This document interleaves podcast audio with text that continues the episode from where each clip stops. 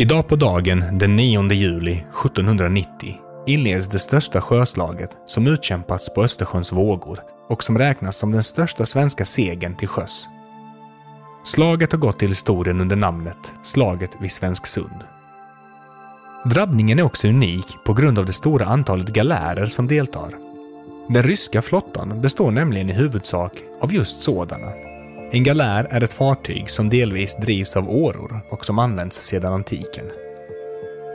Vid den svenska tronen sitter Gustav III, alltså han som två år senare mördas på Operan av Jakob Johan Ankarström. Sedan 1788 har Sverige befunnit sig i krig mot fienden Ryssland.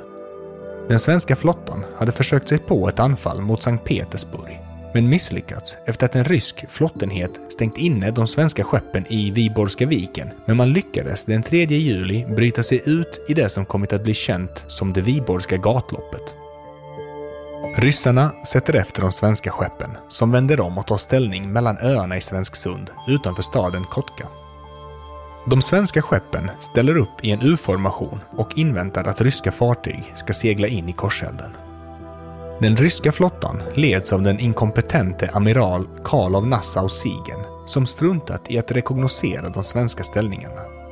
Istället satsar han allt på ett kort och går till anfall. De över 500 fartyg av olika storlekar som möts på vågorna bemannas av nästan 30 000 besättningsmän. Striderna till sjöss pågår i cirka ett dygn och det hinner alltså bli den 10 juli innan kanonmullret upphör. Vindarna har blåst till Sveriges fördel. Den svenska flottan står som segrare och har förlorat 171 besättningsmän och sex fartyg. De ryska förlusterna är skrämmande 4 000 man i döda och uppemot 80 fartyg, en tredjedel av flottan. Utöver detta så tar den svenska flottan cirka 6 000 ryska krigsfångar. I Stockholm firas segern med stora festligheter och parader. Och 1809 avtäcks den stora statyn av Gustav III som står på Skeppsbrokajen nedanför Kungliga slottet. På pedestalen som kungen står på står bland annat segervinnare till minne av hans seger mot Ryssland under kriget 1788 till 1790. Särskilt spännande är att tre kvinnor deltog i slaget vid Svensksund. Brita Hagberg deltog som soldat förklädd till man. Hon sårades i brösten vid en senare drabbning. Mot hennes vägran la läkarna om skadan och hennes kön avslöjades. Hon fick dock senare medalj för sina insatser.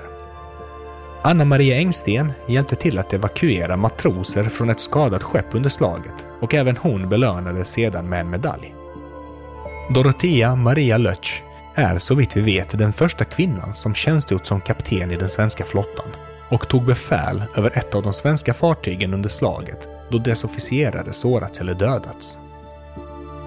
Tack vare den svenska segern kunde man inleda fredsförhandlingar som resulterar i att freden undertecknas i Värälä den 14 augusti, det vill säga cirka en månad efter slaget.